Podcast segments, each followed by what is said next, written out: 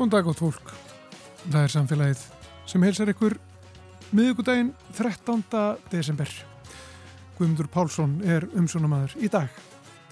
Núna á eftir klukkan 15 verður haldinn stoppfundur félagsamtakana Ringvangs en það er vettvangur fyrir samskipti um ringrásarhagkerfið í byggingariðinaði.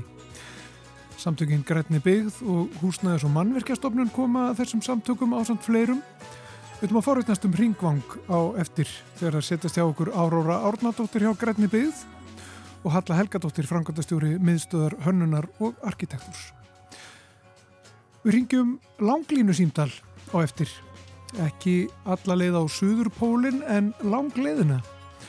Freyri Grabsson, leðsugumæður og þýðandi hefur undanfarnar tvær vikur verið á siglingu við Suðursköldslandið og er núna stattur um borði í skipi sem kent er við franska vísindamannin Jean-Baptiste Charcot. Frýrik hefur frætt farþega um Charcot og notið þess að ferðast um þessar framandi slóðir. Við heyrum eina málfarsmínútu og svo kemur etta okkar Olgudóttir til okkar í vísindaspjall. Hún ætlar að fjallum nýja rannsóknir á heilsufari og vegan mataræði. En hér eftir smástund þá er það ringvangur.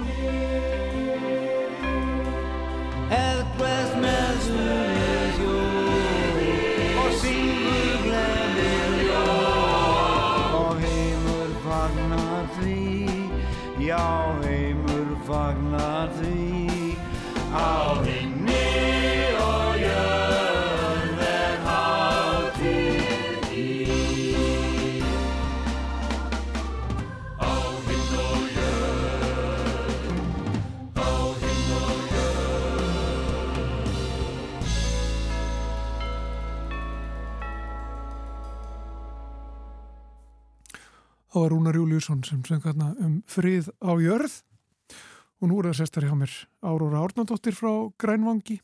Græn, nú er ég bara hérna, fara hérna með eitthvað vitleysu. Já, Grænibygg. Já, Grænibygg, einmitt. Og ég ætla að kveika mér sér á hljóðunemannuðin. Já.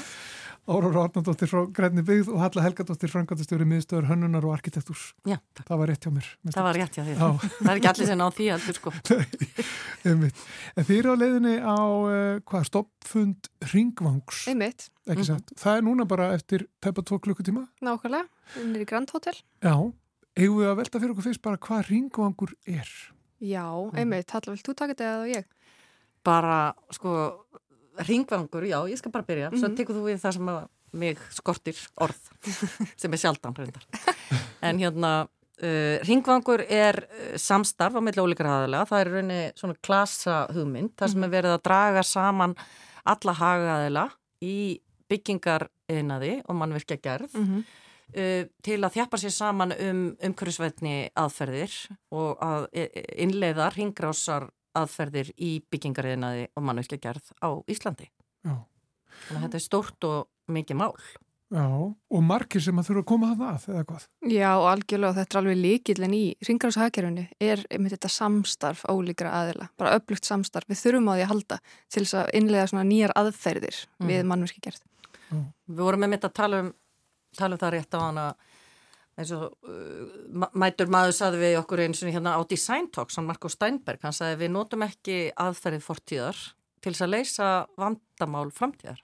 Og þannig að í þessu er bara gríðarlega þannig að þverfælega samstarfið er algjör líkil að því að komast áfram út af því að þetta er flókjástúrt verkefni, ég vil stundum líka þessu við til þess að breyta úr þeim aðferðið sem við notum núna yfir í nýjar aðferði, þá þurfum við að fara yfir ákveðin svona hól og við stundum horfast ekki alveg auðu við hann. Við þurfum að búta niður í viðræðanlega reyningar og svona smá vinn okkur í gegnum þetta. En líka finnst mér mjög mikilvægt að hugsa um að þetta nýsköpun er skemmtilega veist, við, þetta er ekki og til þess að nálga svona vandamál þá þarf maður að mæta með spenntur og bjart sín mm -hmm. og, og til í að gera eitthvað nýtt og skemmtilegt. Mm. og, þar, og bara áhugavert. Þetta er ekki allt skemmtilegt en, en það er þessi atrið, það er að nálgast verkefnin frá bjart sínum punkti og, og þar kannski koma, nú kem ég frá meðstu hönnu og arkitektúrs og uh, þar held ég að hönnuður síðu til dæmis einn líkil breyta auðvitað uh, ásamt öllum hinnum að koma inn með svona skapandi ferli og skapandi hugsun sem að þeir læra í sínu námi. Já. Mm. Þar þá lítið á það sem tækifæri? Já, alveg klárlega. Fyrir ekkar en, en, en vandamál sem það er að leysa? Ég held að verði bara bæði miklu skemmtilega og niðurstaðan getur orðið bara miklu betri ef við nálgumst á þannig. Mm -hmm. Ef við erum öll bara setjundur okkur hausin og bara halda allt sé að verða ótrúlega liðilegt og að með ekki gera neitt nú má ekkert. Mm -hmm. Ef við ætlum að mæta með það, þá afstöðu þá held ég að við komumst ekki á jafn skemmtilegan, eða jafn góðan stað með, með, með, með jákani mm -hmm. og já. Já, og líka bara eins og við hugsaum um lendagur í mhm. Danmarku Þannig eru þetta bara mörg fyrirtæki til í kringum þessar ringar og pælingar hjá þeim. Sér fyrirtæki sem sáum að útvöða efni sem væri nótuð og svolítið. Þannig að það er líka alveg, þetta er ekki bara þetta kosti meira, heldur getur þetta líka verið fjárhagstækifæri. Og ég held að þetta sé náttúrulega, þetta eru þetta bara, þetta eru þetta viðskipti framtæðurna sem verður að búa til og það er náttúrulega bara eins og hverju meður viðskiptum að hver verður fyrstur að þróa aðferðinar.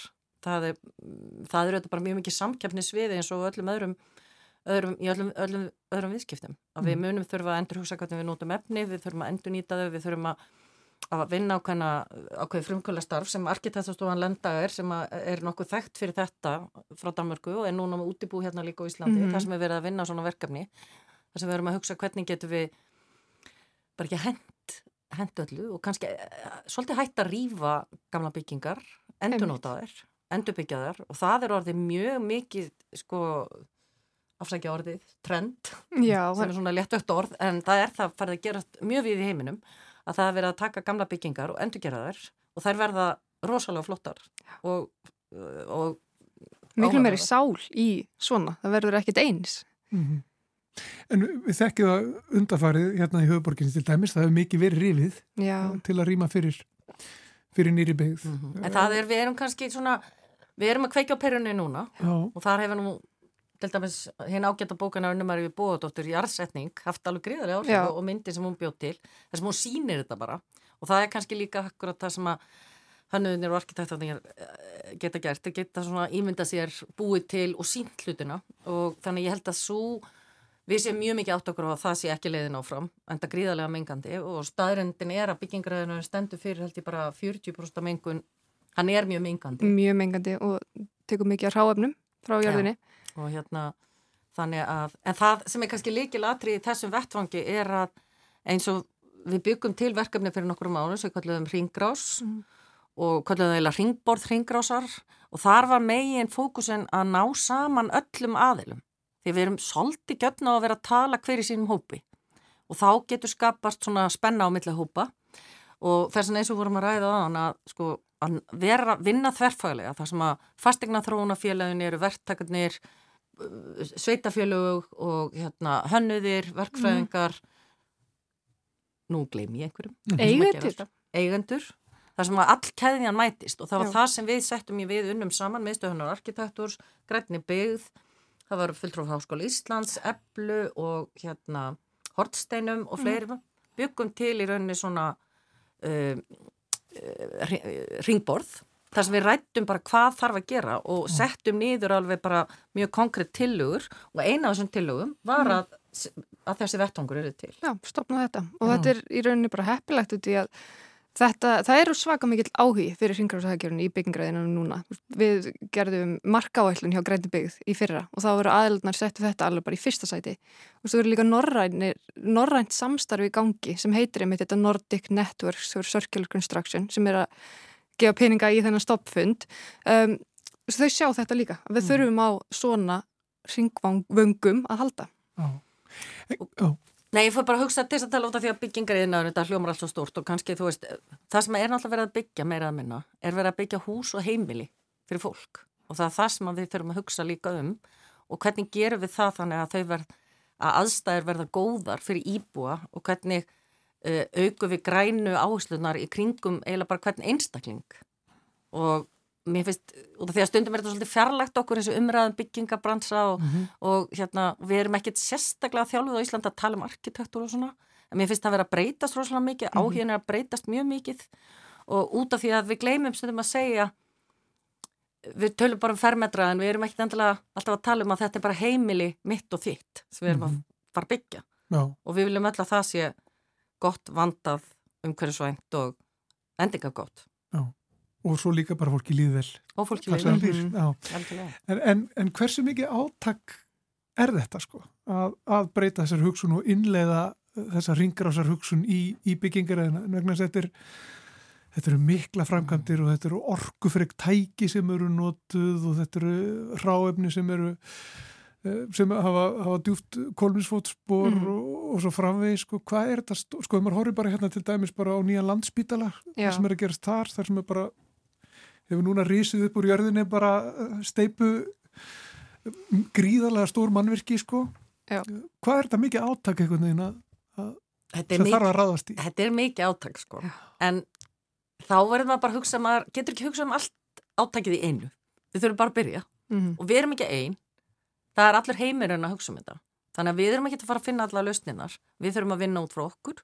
Og við þurfum að vera í samtali við uh, Norðurlöndin og alltjóðarsamfélagi sem er framalegi þessu. Og þeir það verða að þróa til dæmis nýja umhverfisvætni í steipu og við förum ekkit úr að vera rosalega mengandi að vera ekkert mengandi. Við þurfum bara að byrja á minka og minka og breyta. Mm -hmm. Mm -hmm. Já, þetta er alveg rísastökk og þetta gerist auðvitað alls ekki yfir nóttu. En ef við ætlum að ná einhverjum árangri þá er fyrsta skrifið að tala saman og reyna að finna leiðir til þess að breyta þessu, þá þarf breytt hugafar, þá þarf algjörlega að gjör breyta hagkerfis pælingunum í þessu, þetta er annað hagkerfi. Línulegt hagkerfi er búin að vera í gangi í hvað, 50 ár, við þurfum að fara aftur tilbaka í rauninni næstu mm. Er það ekki líka bara svolítið þreytt? Já Það er kerfið sem við erum að vinna með. Ef við hefum bara verið alveg svona ísköld að horfa á það. Ínu komið að fótum frá. En hvernig með bara reglugerðir og, og, lagasetningar og þess að þar. Sko húsnáðs- og mannverkjastofnun er með okkur í þessu mm. og það er verið að endur sko byggingareglu gerast og það er verið að taka þessar ringar og pælingar inn í það og það er einmitt mm. bara hluti afsöldu saman. Já. Þannig að við erum öll að vinna saman í að breyta þessu. Já, bara ráðuneytin held ég, þú veist, það er að segja bæði sko innveðaráðuneytið, umhverfis og auðlendaráðuneytið, menningar og viðskiptaráðuneytið uh, og það sem ég sé gríðarlega breytingu sem er ofsalega ákvæðu að það, það miklu meiri vilji fyrir að vinna þvert á ráðuneyti sem hefur verið vandamál mm -hmm. og þannig að ég held líka, þú veist, einu sem var með sagt, ég er nú engin fræðingur á því sviði, en það er eitthvað sem heitir svona faraldusfræði og það er svona lítið, þú byrjar, það er lítill faraldur og svo, sem sagt, ekstan og svo allt í hennu springur hann út mm -hmm. og verður rosalega stór og ég held að þetta sé kannski svolítið svona, það við erum öll svolítið bara að prófa og reyna og það er, veist, það er rosalega mikið byrjað mjög víða svo smám saman eksta og ekst þingdin í því og svo kemst á okkur punkt það sem það svona sviplast yfir í raunni Já. en við erum vissulega svona frekar neðalega í brekkunni núna Já, því miður En En þeir sem er að framkama, eh, verktakar og, og þeir sem er að byggja. Eh, já, bara mjög áhuga samir og eru ofta að koma til okkar, bara við erum að reyna að koma þessum efnum hérna og gefa þeim annað líf og mm -hmm. það er mhm. bara, við veitum ekki hvað, við erum að geima þau, það er enginn sem vil taka við þeim, þú veist, það, það er ekki búið að búa til infrastruktúrun og umgjöruna í kringum ringrásaðagerið eins og við þurfum, en við þurfum að byrja að búa það til hraðar. Það er alltaf bara um leið og þú lætur þetta kosta að henda ykkur þá er það sem þú hendir orðið verðmændi sem þú vilt koma áfram og það er að byrja að það verður aðeins erfiðara og við heyrum um byggingar sem að til dæmis þurft að skipta um allt glerið í stóri byggingu út af einhverjum galla eða mm. var orðið ónýtt og þá eru eigandur húsins að tala við í þessu tilfelli hönnuða arkitekta til að reyna að hjálpa sig við að finna út hvað, hvað getur við gert við þetta gler og þetta byrjar náttúrulega bara svona það mm. byrjar bara á því að við reynum við hendum ekki bara öllu mm. og ef það er orðið erfitt að henda þá ertu strax komið kvattan til þess að gera eitthvað við gera eitthvað við ruslið eða það sem kjærst að væri ruslin er kannski veðamæti oh. og þannig að auðvitað þarf, sko mín skoðun er líka svolítið, uh, kannski pínu hörða þessu leiti, að ég segi að nýsköpunar heimurinn okkar eða svona nýsköpunar áherslunar okkar þurfa bara allar eiginlega snúast í þessa átt núna. Þær þurfa snúast um þessi mál.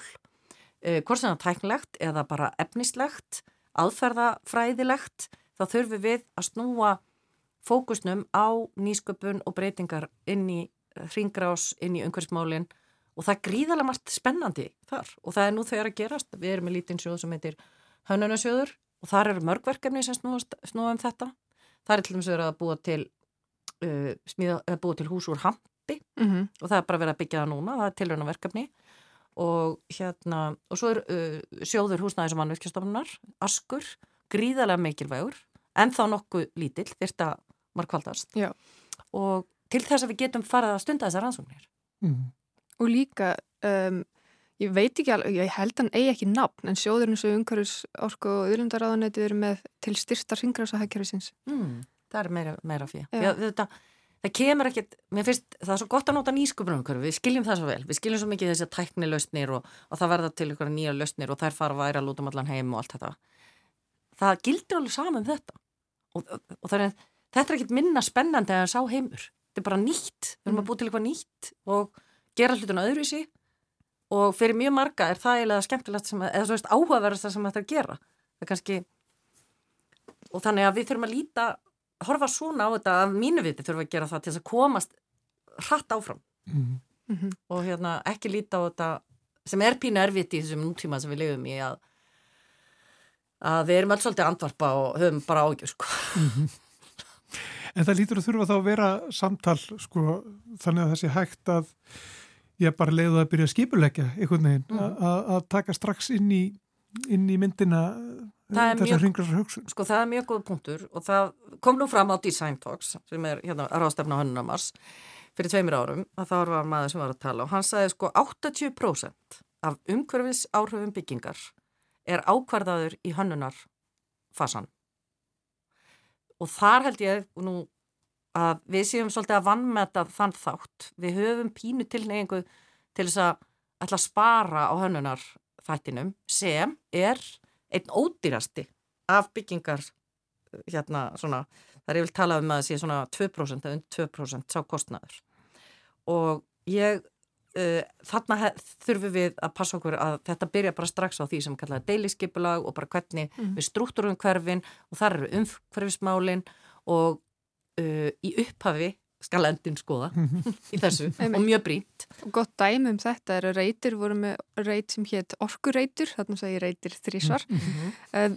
Þau voru að votta þetta alveg í byrjun og voru þá að taka út svona hvaða efni eru á reytnum nú þegar. Það er einhverja byggingar, það er einhver tré og þetta var til þess að núna þegar það verða að byggja byggingarnar þarna að þá er eitthvað verið að endunýta efni sem var til staðar. Þannig einmitt hönnunastig, bara það að kortleggja hvað er þarna, hefur áhrif svo á byggingarfasan. Mm -hmm. Og, og hönnunarfasin er náttúrulega bara ákvörðan að tökku fasin.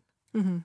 Og við vitum öll að það er bara ákvarðanir sem við tökum, það er ráða eftirleiknum og, og þar getum við með ódýrum hætti speklað alls konar hugmyndir áður en við leggjum út í framkvæmdir sem eru mjög dýrar, getum skoða leiðir og, og og þess vegna er það í raunni uh, oft vannmetinn partur að, hérna, að leggja virkilega mikla áherslu á það. En ég held að það sé gert mig við það, ég er alls ekki að meina að þannig, nú er ég kannski að alhafa á svolítið.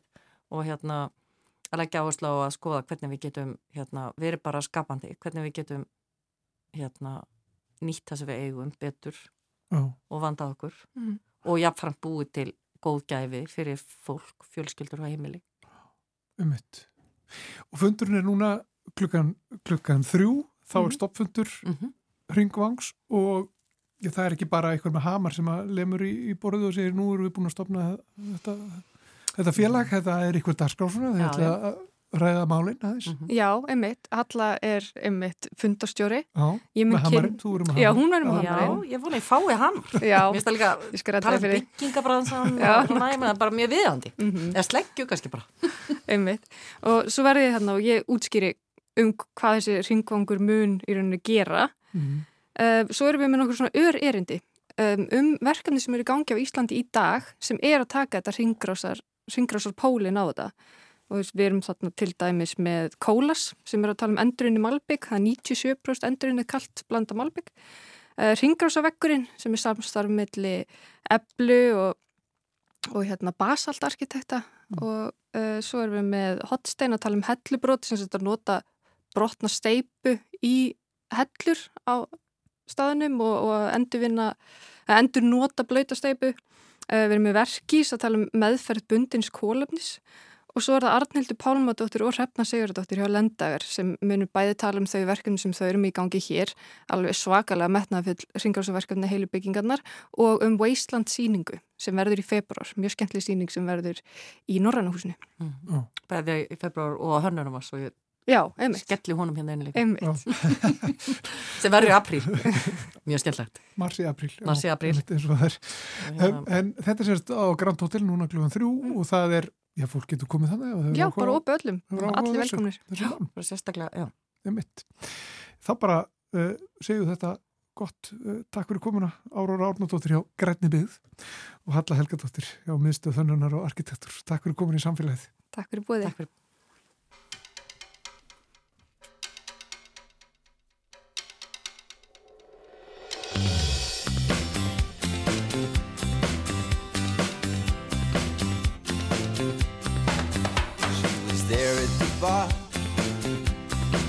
My guitar.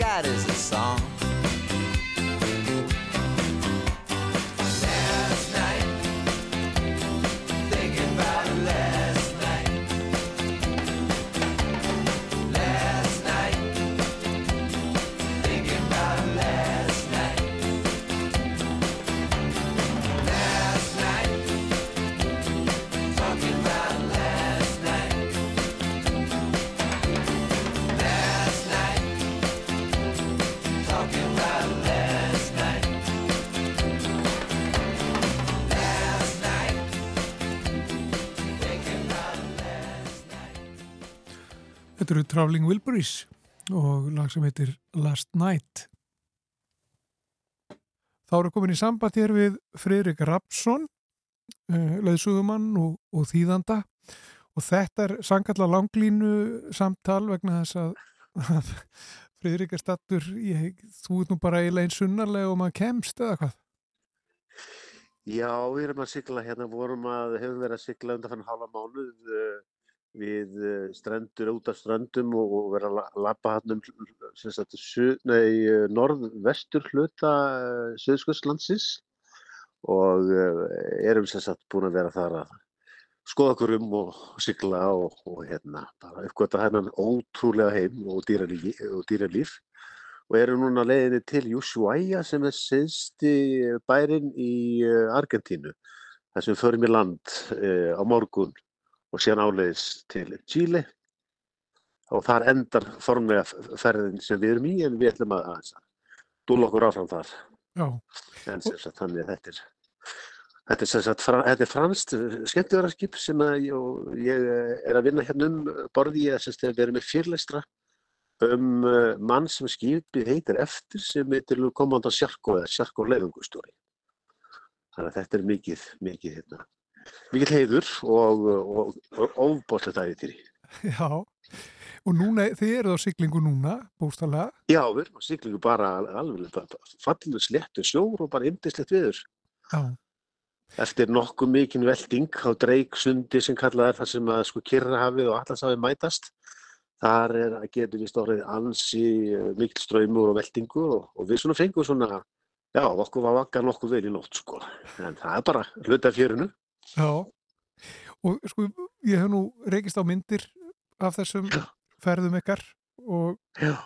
þið hafi verið að sigla það með ísbrjót, ekki svo? Já, þetta er ísbrjótur, já, já einmitt. Og, og þið hafi farið út á ísin. Já. Ykkur til skemmtunar bara.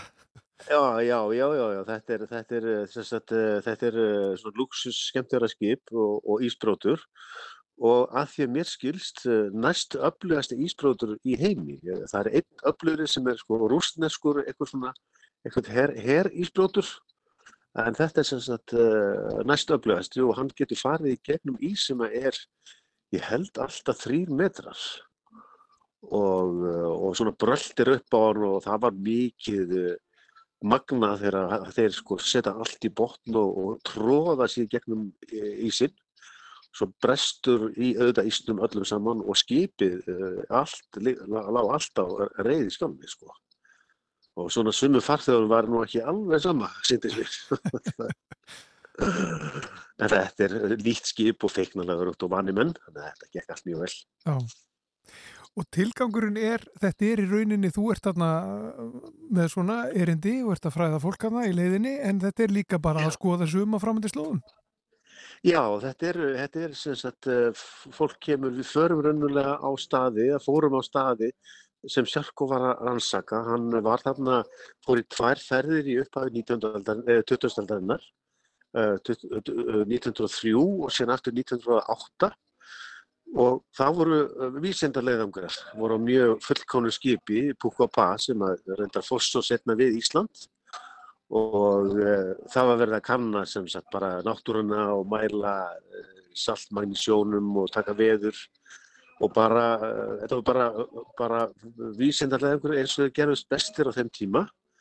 Og síðan voru líka mjög mikilvægt að þetta var náttúrulega algjörlega ókönnuð svæði og voru að kortleggja strandlengjuna og, og kortlögðu um það byrjum 3000 km strand, strandlengju sem var bara ótrúlegt afreg á þessum tíma og, nýtist enn þó að kortin sjöla miklu, miklu nákvæmari en nú orðið sko. Mm. En enga síður, þetta var grunnurinn bæði vísendarlega og svona landfræðilega að rannsóknum hérna þessi svæði uh, og er enn í dag. Já. Þú talar um dýralíf á hann? Já. Það er daldu öðru sem við um að vennast hér? Já, daldu. Já, þetta er náttúrulega sko, manni liður stundum bara í, hérna, eins og í, sko, þætti með Davíð við nokkar aðringarna sín, sko, hérna, Davíð Attum bara, maður, það maður hefði ekkert orðið hissa þá hann kemur bara lampandi og takja mót okkur, sko, það er, við erum búin að sjá, hérna, svona keisaramargessir, marg, nokkuð, það eru reyndar meir dýraðum annar staðar en svo eru kallar aðdelimörgessir aðeins minni alveg í þúsundum. Og það eru náttúrulega eins og fólk þekkir þetta úr, úr sjónastáttum og svona ótrúlega dúllur og hérna og eru algjörlega óhætti sko við, mað, það eru svona reglur, mjög stranga reglur hérna, maður má ekki fara næði dýrar með 5 metra. En það er bara að horfa á okkur bara og hérna, hva, hvað er þú að gera hérna á minni eigu hér? Og, og hérna og svo er mikið, mikið af kvölum og selum og bara albatrossar hér sveimandi kringu skipið og og þetta er uh, nánast órannulegt stundum sko. En mjög svona mik miklu, miklu meira og aðgengilega dýralík heldur ég þorða vonast að segja sko. Mm -hmm. Og byrtan og ísinn og allt þetta einhvern veginn maður, þetta er svona töfra heimur sem að, sem að hérna, er uh, engu líkur, engu líkur hérna.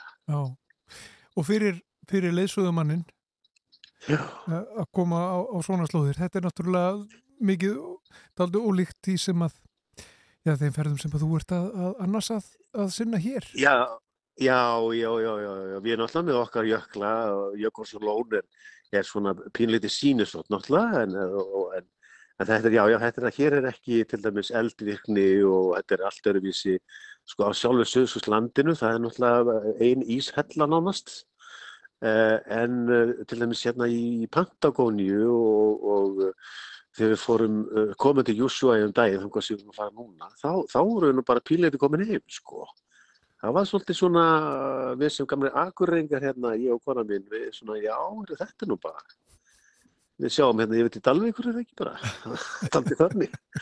Þannig að þetta það svona, auðvitað, öðru, öðruvísi, en að mörguleiti, svona, já, það myndi okkur svolítið á ímsa staði á Íslandi.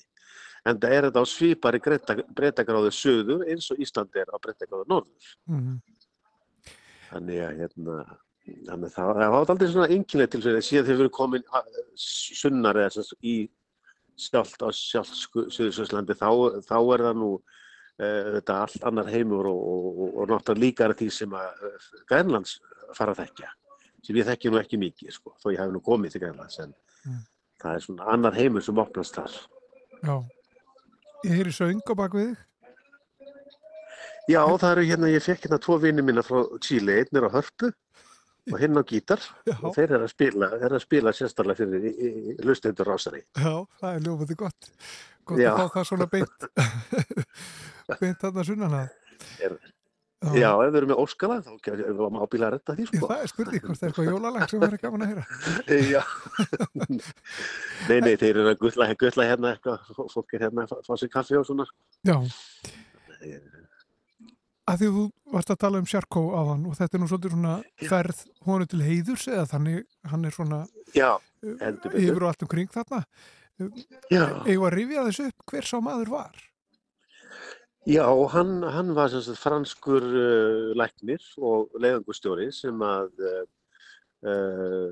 byrjaði ungur fyrir fyrstlarðan til læknis og síðan var hann með mjög svastna sigling, sigling mikið áhuga á, á siglingum og byrjaði nú bara svona út af stöndu Fraklands en, en svo fór hann á Skornortu til Breitlands og Færi á Íslands 1901 eða 2 minnum við það magnaðist á stríðan og hann létt smíða uh, skip starra og fór að því til hingaði á þessar slóðir fyrst 1905 og sen 1908 og síðan eftir heimstyrjaldina fyrri að þá læðist hann svona í meiri norðurslóðaseklingar og styrði í mörgum ferðum og kom til Íslands á hverju ári frá 1918 til 1936 og þá var hann komin á aldur og bara búin að vinna sína klára starfsefina og, og um, þá voru hann komið frá Grænlandi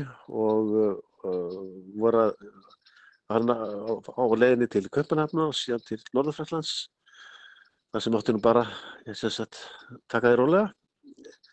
Og meðal annars var nú erindi til, til Köpen að, að, að, að kongurinn danska ætla að að sko hefður hann fyrir störf í þá vísindana og óttum mikið, mikið tilstand En það fór nú ekki betur en svo að, að það skall á alveg gríðalegt óveður út af uh, Reykjanesinu þegar við vorum að fara uh, að sendi part uh, 15. september 36 og skipið hræktist þetta út af norðum með Vesturlandinu og inn í Borgafjörð og, og, og fórst á uh, skerinu nokka út af allt hérna, við Strönnfjörð á, á, á Mýrum. Þannig að hérna, þetta var svona 40 manns fórust, lifði af og, og gríðaleg sorg auðvitað bæði hér á Íslandi og, og hérna við fræktandi, þjóða sorg báðum löndum. Já. Þannig að stórmerkilegur sem sagt læknir og, og, vísendamæður og frumkvöður einn, einn af þeim sem að lögðu grunninn að heimskottaráðsóknum og, og eins og ég sagði á þann að svona niðurstöðu þegar ferða er eitthvað sem er byggt á enn þetta í dag. Já. Þannig að þetta er stór, stórmerkilegur maður og sannkallaður Íslandsvinnur sem að okkur, okkur beru þetta að hérna svona hampa, hampa nafni hans og, og, og vinna í hans anda en þess að hann var gríðarlega uh, metnaði fullur og, og sagði alltaf við uh, kollega sína og yngra fólk ef að eitthvað þótti vera óývistíðalegt þá sagði hann bara púrku að pama, hvers vegna ekki. Já. Það er svona eitthvað sem við getum lert af er þetta í dag held ég. Allt hægt viljinni fyrir hendi. En þið eru núna þarna á siglingu og stefnið, viltu rífi upp með okkur hvert er stefnið núna?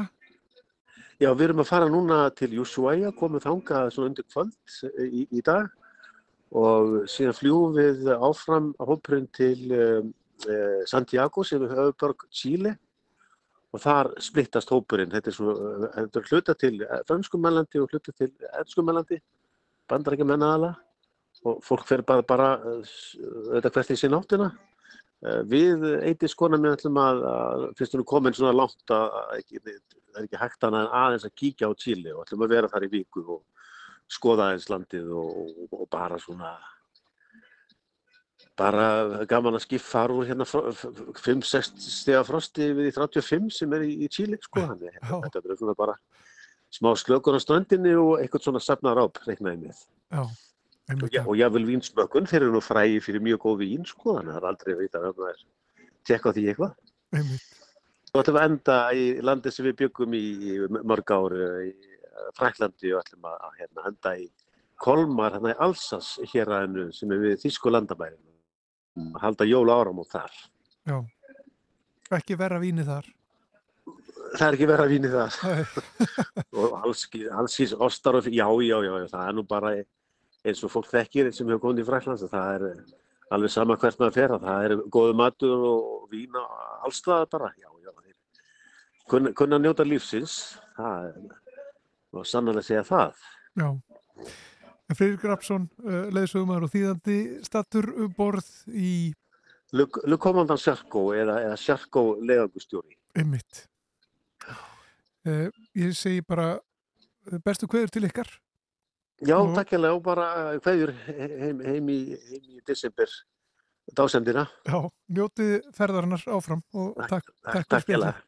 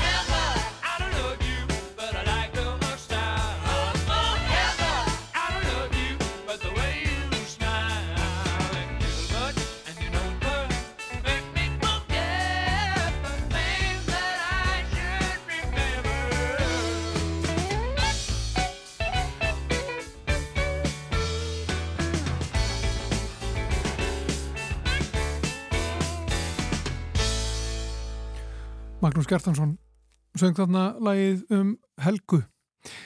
Við höfum enn eftir að heyra hér vísindarspjall, Edda Olgudóttir sest hér eftir smástund en fyrst er það málfarsminúta.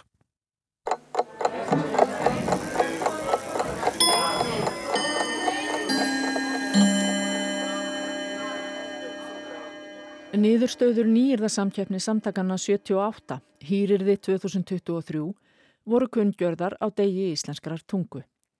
Dómnemnd hýrirða mælti með tveimur orðum og einni skamstöfun. Annað orðið er stórfóreldri sem er sapneiti um fóreldri fóreldris, orð sem ekki hefur verið til í íslensku fram til þessa en á sér samsvaranir í skildum málum. Hitt orðið er aðkynneigð sem er þýðing á enska orðinu allosexual og vísar til fólks sem laðast kynferðislega að öðru fólki. Andheiti þess er eikinnegð sem vísar til fólks sem laðast ekki kynferðislega að öðrum. Loks mælti domnemdin með KS sem skamstöfun á orðinu kynsegin. Hún er sambærileg við skamstafanirnar KFK fyrir kvenkins og KK fyrir karlkins. Hanna má nota til að skrá kyn, til dæmis á ymsum eigðublöðum þar sem farið er fram á kynjaskráningu.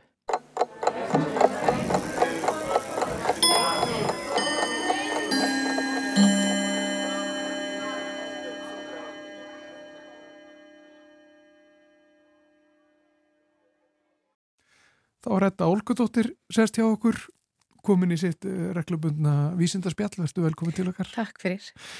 Um, það stýttist í, í jólinn og það er mikil matarháttíð eins og við vitum. Þú varst eitthvað að velta fyrir þér mataræði. Einmitt, já. Sko, jólin eru náttúrulega svolítið þekkt fyrir að vera svona kjötháttíð og, hérna, og við kannski á Íslandi erum líka hérna, okkar hefðir og svona vani er að borða mikið af kjöti og dýraafurðum sko. Og ja, sko, græmmetisætur voru bara lít þekktar hérna fyrir 50 árum sko, það var bara furðulegt. Þannig að þegar maður fyrir að minnast á okkar mataræði eins og vegan mataræði að þá hérna reykur fólk upp stóru augu þó að þetta sé kannski eitthvað sem hefur verið mjög þekkt mjög lengi sko annars þar í heiminum.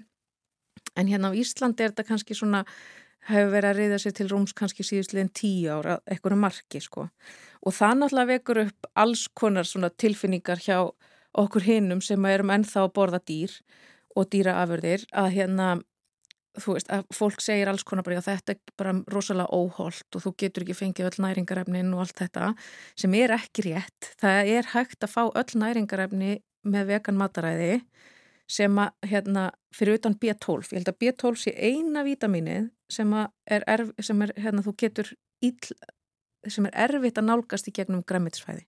Og bara svona til að árétta að þá vegan mataræði þýðir bara að maður borðar engar dýraafurðir. Þannig að það er ekki sko, það er engin egg, það er ekki mjólk og ekki hunang og alls konar hérna matur sem að, við tengjum ekki endilega við dýr en eru sko af því það eru dýr sem að búa það til. Og þetta mataræði, af því yfirleitt þegar við erum að tala um mataræði, þá er hérna fólk er að breyta eitthvað um mataræða því að það vil sko ná einhverjum til dæmis líkamlegum árangri. Þú veist, það vil grennast eða byggja upp vöðvamassa eða eitthvað slíkt og En hérna vegan mataræði, það byggir miklu, miklu frekar á einhvers konar hugssjón og þeir sem að velja að vera vegan eru yfirleitt að hugsa þetta út frá dýra, dýravelferðar sjónamiðum.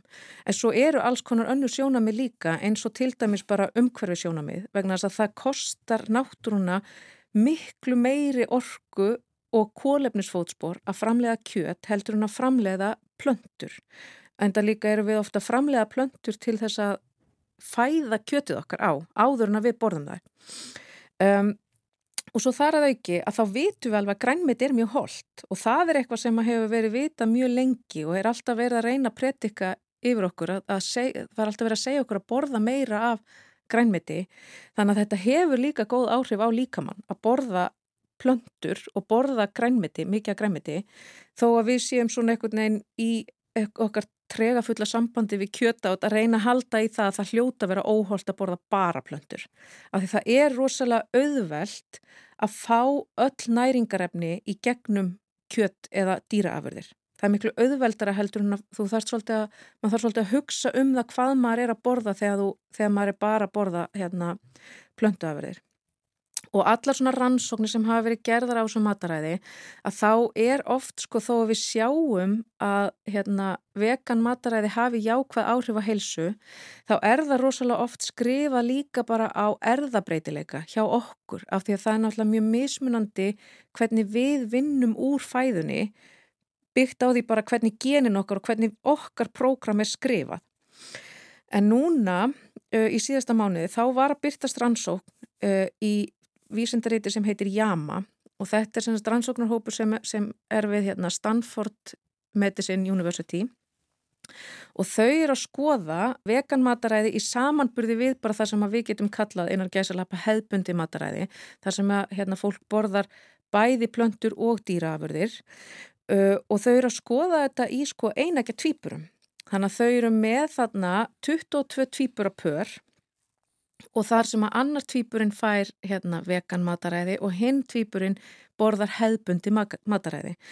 Og það er hérna, mikil áhersla lögð á það í upphæfur ansóknurinnar að þó að þau sé að borða þetta fjölbreyta með bæði dýraafurðum og hérna, grænmeti og ávöxtum allt það, þá er þetta samt að vera holdt mataræði. Og til þess að hérna, tryggja það svo verði að þá, þetta er semst áttavikna hérna rannsókn þar sem að, að einstaklingarnir borða þessar tilteknu, hérna, þetta tiltekna mataræði og fyrstu fjóra vikurnar þá fáðu bara matarpakka og þá er bara tilbúið fyrir þau þrjár máltíður á dag, morgumatur, hátegismatur og kvöldmatur þar sem er búið að skilgrina nákvæmlega hvað þau að borða og hvernig þau að elda það. En svo er reyndar, sko af því þetta er ekki hérna Það er ekki verið að reyna að fá þau til að grennast eða, eða minga orkuintökuna þannig að þá meiga þau borða meira. En þetta er bara til þess að leggja grunninn að því hvernig á að byggja upp holdt mataræði. Og þannig að fyrstu fjóra vikunar þá fá þau þetta bara hérna, heim til sín og svo næstu fjóra vikunar þá eiga þau að sjá hana sjálf. En þá byggist þetta náttúrulega svolítið á þessum upphafs mataræðis pakka sem þau fá hana. Og svo mæla, mælir hópurinn semst í upphafir ansóknar og svo aftur eftir fjóra vikur og aftur eftir átta vikur að þá mælaðu alls konar þætti sem að koma við sögu við hérna, hjarta og æðaheilsu. Og þá til dæmis er það, þau mæla til dæmis hérna BMI stöðul uh, og mæla blóðþrýsting, þau mæla blóðfytu og kólesteról, blóðsikur og insulin í blóði og líka þátt sem að heiti TMAO á TMA og stendur sko fyrir eh, trímetilamið N-oxíð og þetta er efni sem er oft, eh, hækkar oft í fólki sem að fær svo einhvers konar hjarta áföll eða, eða einhverjar hérna stíplur eða eitthvað slíkt. Þó var sér ekki alveg, sko við vitum ekki nákvæmlega hvers vegna þessi þáttur hefur áhrif eða hvort hann er fylgifiskur en þetta er á, ákveðin svona hérna index eða merking sem að getur verið vísbendingu um að eitthvað sé að fara að gerast. Og þegar þau mæla eftir þarna fjóra vikur þá mæla þau þessa þætti og þá sjáðu strax að það er hérna breyting, marktæk breyting á hérna LDL kólestróli og það er það sem við höfum talað um sem sko vonda kólestróli. Þetta kólestról sem við viljum helst ekki hafa í blóðinu vegna að það er það sem að sest innan á æðarnar og stíplar þær. Þessi breyting er miklu meiri hjá hérna, veganhópnum og, og þannig að veganhópurinn er greinilega að, að njóta þess að borða miklu meira plöntu afurðir. Hinn hópurinn er að borða uh, mikið af plöntum og mikið af góðum ólíum sem að koma úr plönturíkinu eða hérna, sjávarríkinu en þau eru samt líka að borða dýraverðir og það hérna sérst, kjött og það kannski bendir svolítið til þess að það er ekki bara nóg að borða mikið af græmiti, það er líka eitthvað í dýraaförðunum sem hefur í raun og veru neikvæð áhrif af því að þarna er ekki jafn mikil breyting á þessu vonda kólesteróli. Það er auðvitað ekki þar með sagt að sko að dýraaförðir séu bara upp, upp til hópa óhullar sko. En þarna sjáum við samt að það er miklu meiri, eh, hvað maður segja, ávinningur af því að borða vegan mataræði fyrir hjart og æðasjúkdóma heldur en það er ávinningur af því að borða bara holt mataræði. Svo mælaðu þetta aftur eftir áttavíkur og þá sjáðu ennþá meiri minkun á þessu hérna, vonda kólesteróli hjá vegan. En þau sjá líka eh, minkun á insulíni í blóði og það bendir til þess að þar sé sko, semst, ef þú ert með minna af insulíni að þá eru minni líkur á þau þróum með þér hérna, sikursíki sem er náttúrulega mjög jákvætt og þau mæla líka bara yfir heildina minna af fytu í blóði og þá er það bæði sko kólesteról, þetta góða og vonda og líka hérna, þrýglíserið sem er svona forðafita, það sem við geymum í livrinni og svo losu, losar livrinna út í blóði þegar við þurfum á meiri orku að halda. Og þessi rannsókn er náttúrulega yfir þarna átta vikur þannig að þetta er ekki, þetta er ekki rosalega langur tími en þetta er samt mjög svona sterk vísbendingum að veganmataræði er mjög e, jákvægt fyrir heilsuna og þarna af því að þau eru með tvíbura, einægja tvíbura sem eru þá með sama erðaefni þá getur við ekki beint skrifa þennan mun á það að það sé hérna einhver erðafræðilegu munur. Svo svona hafandi sagt það þá er samt líka svona varnaglega á því að þó að einægja tvíburar sé grunninn með sama erðaefni þá er alls konar hérna, breytingar sem verða á erðaefninu þegar við bara fæðumst eða þroskumst og lifum sem að ráða því hvað er hérna, tjáð og það heitir utankena erðir og þá eru merkingar á erðaefninu sem eru settar á til þess að ákveða, já, hérna ætlum við að tjá svona mikið af þessu geni og svona mikið af þessu og búið til svona mikið af þessu prótíni og það er náttúrulega aldrei eins hjá hérna, einstaklingum þó að þau séu með sama erðaefni. En þegar þú ert með einægja tvíbura þá kemstu kannski eins nálagt því þú getur að útiloka erðafræðilegan breytileika. Og svo þar að auki að þá eru þetta tvíbura sem eru sem sagt, aldrei upp á sama heimili þannig að þau eru líka í raun og veru að útiloka svolítið hérna, umhverfistættina sem að hafa áhrif á það hvernig við hugum okkur og hvernig við erum. Þannig að það er líka hérna, það búið að útiloka þá breytu í raun og veru. Já.